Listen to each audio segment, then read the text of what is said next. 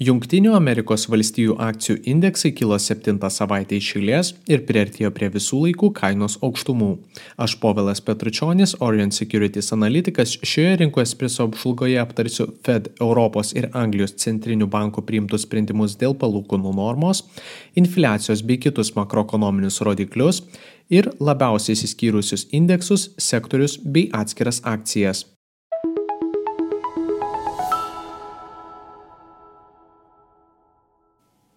Svarbiausi praėjusios savaitės įvykiai - Junktinės Amerikos valstijos, small capų ralis, nuosaikus Fed sprendimas ir besitraukianti infliacija. Pasak Reuters, JAV akcijų indeksai fiksavo ilgiausią nenutraukiamą 7 savaičių augimo seriją nuo 2017 metų. S&P 500 kilo apie 2,5 procento, Nasdaq 100 apie 3,35, Dow Jones 30 apie 2,9, o mažos kapitalizacijos įmonės įtraukiantis Russell 2000 dar kart pranoko kitus indeksus ir augo net 5,85 procento. JAV šią savaitę vyko FOMC posėdis, kurio metu Fed valdyba nusprendė palikti esamą 5,25-5,5 procentų palūkanų normos lygį. Nors dauguma tikėjosi tokio sprendimo, investuotojus džiugino atnaujintas Fed.plot taškinis grafikas. Pareigūnai tikisi, kad per 2024 metus palūkanų norma susitrauks 75 baziniais punktais, tai yra 25 punktais daugiau nei buvo pastebima pranešimą rugsėjo mėnesio projekcijoje. Pranešimo metu Jerome Powell tonas buvo neįprastai nuosaikus ir rinkos teigiamai reagavo į pirmininko kalbą. Tiesa, dar iki pasirodant Fed palūkanų normos sprendimui buvo išleisti JAV infliacijos duomenys, kurie žymėjo žemiausią gamintojų kainų lygio atmetus maisto ir energetikos kainos augimą per tris metus tai yra 2 procentai. Bendras infliacijos lygis siekia 3,1 procento, o infliacija atmetus maisto ir energetikos kainas išliko ties 4 procentų riba bei atitiko ekonomistų projekcijas. Kiek labiau netikėtas buvo mažmeninių pardavimų augimas, kuris per lapkričio mėnesį siekė 0,3 procento, kai analitikai prognozavo 1,1 procento kritimą. Internetiniai pardavimai ir išlaidavimas baruose bei restoranuose buvo išskirtinai aukštas ir žymėjo nebūtinojo vartojimo prekių paklausos atsparumą. Vis dėlto savaitės pabaigoje pasirodė silpnumą pabrėžiantis JAV pramonės duomenys. Per mėnesį industrinė produkcija augo 20 procento, kuomet tikimasi buvo 30 procento, o S&P Global gamybos sektoriaus pirkimo vadybininkų indekso rezultatas traukėsi nuo 49,4 iki 48,2 punktų.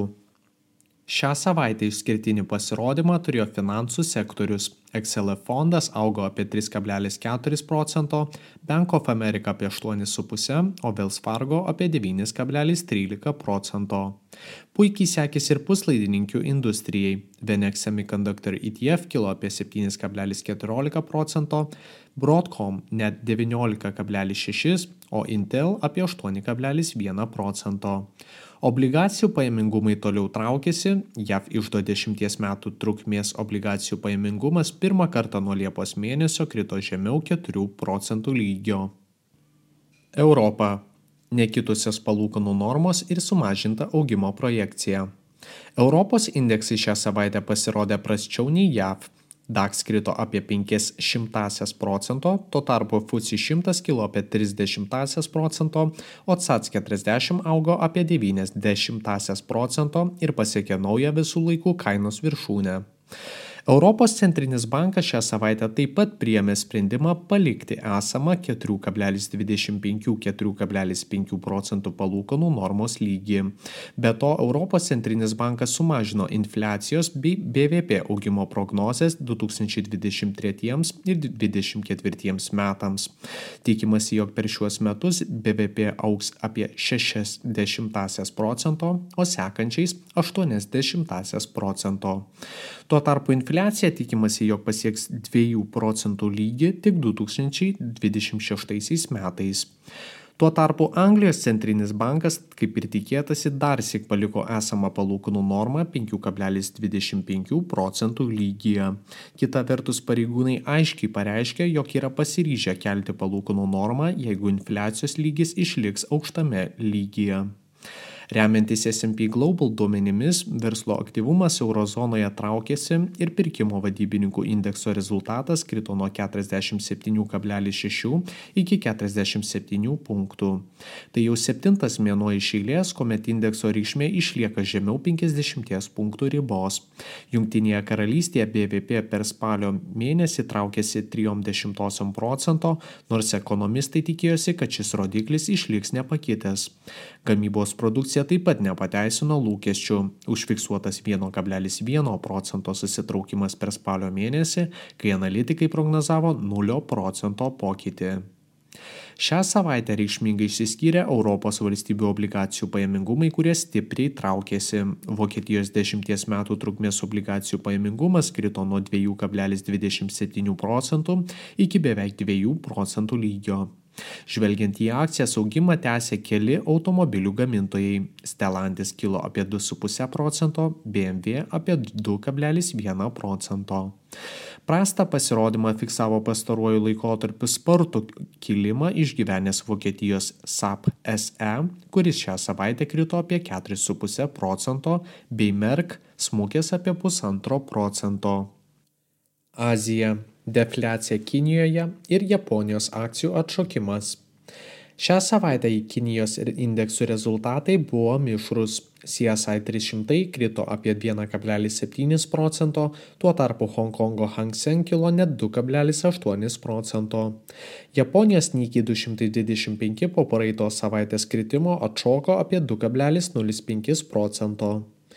Kinijoje grįžo defliacijos baimės po pasirodžiusio infliacijos rezultato žymėjusio pusės procento metinį kainų lygio susitraukimą. Tuo tarpu gamintojų kainų indeksas lyginant su praeitais metais susitraukė net 3 procentus ir fiksavo 14 išėlės mėnesinį indekso kritimą. Ekonomistai nerimauja, jog defliacija gali neigiamai paveikti šalies ekonomiką, kuri ir taip išgyvena sudėtingą laikotarpį. Bank of America atkreipė dėmesį, jog pirmą kartą nuo 2000 metų Kinija patyrė ketvirtinį tiesioginių užsienio investicijų susitraukimą. Kita vertus, Kinijos industrinė produkcija rodė atsigavimo ženklus ir per metus augo 6,6 procento. Šalies pareigūnai toliau ieško būdų prisidėti prie ekonomikos gaivinimo ir išleido naujas gairias, kurios turėtų prisidėti prie didesnio vartojimo ir investicijų šalyje. Japonijoje vietinė valiuta toliau stiprėjo JAV dolerio atžvilgiu, o 10 metų trukmės obligacijų pajamingumas susitraukė iki 70 procento. Pozityves nuotaikas paskatino Fed nuosaiki monetarnės politikos kryptis ir pasiryžimas mažinti palūkanų normą artėjančiais metais.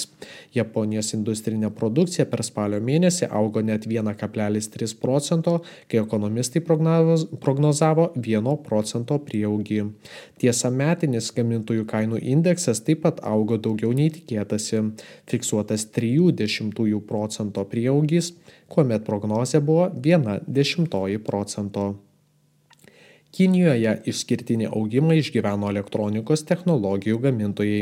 Lenovo kilo 7,11 procento, Xiaomi net 9,3 procento. Japonijoje kilimu pasižymėjo Sony augęs apie 4,7 procento. Populiariausios savaitės antraštės. Žaliavinės naftos augimas. Penktadienį naftos kaina kilo ir pirmą kartą per du mėnesius fiksavo teigiamą savaitinį pokytį. Tikėtina, jog prie tokio rezultato prisidėjo padidėjęs optimizmas dėl paklausos augimo kitais metais ir susilpnėjusio dolerio kurso. Ketvirtadienį JAV dolerio kursas nukrito iki žemiausio lygio per keturis mėnesius po to, kai Federalinis rezervas pranešė apie numatomą mažesnę palūkanų normą kitais metais, o tai padidino pasitikėjimą naftos paklausos augimu per 2024 metus. Per savaitę VTI rūšės naftos kaina kilo apie 0,75 procento. Ateinančios savaitės įvykiai. Trečiadienį bus išleisti Junktinės karalystės metinės infliacijos duomenys. Tikimasi mažėjimo nuo 4,6 iki 4,4 procentų lygio. Ketvirtadienį bus paskelbtas galutinis JAV bendrojo vidaus produkto augimas per trečiąjį ketvirtį metinę išraišką. Prognozuojamas 5,2 procentų pokytis. Penktadienį pasieks metinės infliacijos duomenys iš Japonijos, kur tikimasi sumažėjimo nuo 3,3 iki 2,6 procentų lygio.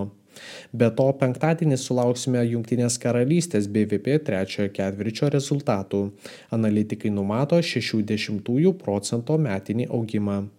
Ta pačia diena pasirodys Fed sekamo asmeninio vartojimo išlaidų kainų indekso PCE index duomenys. Ačiū visiems klausiusiems ir gražios jums savaitės.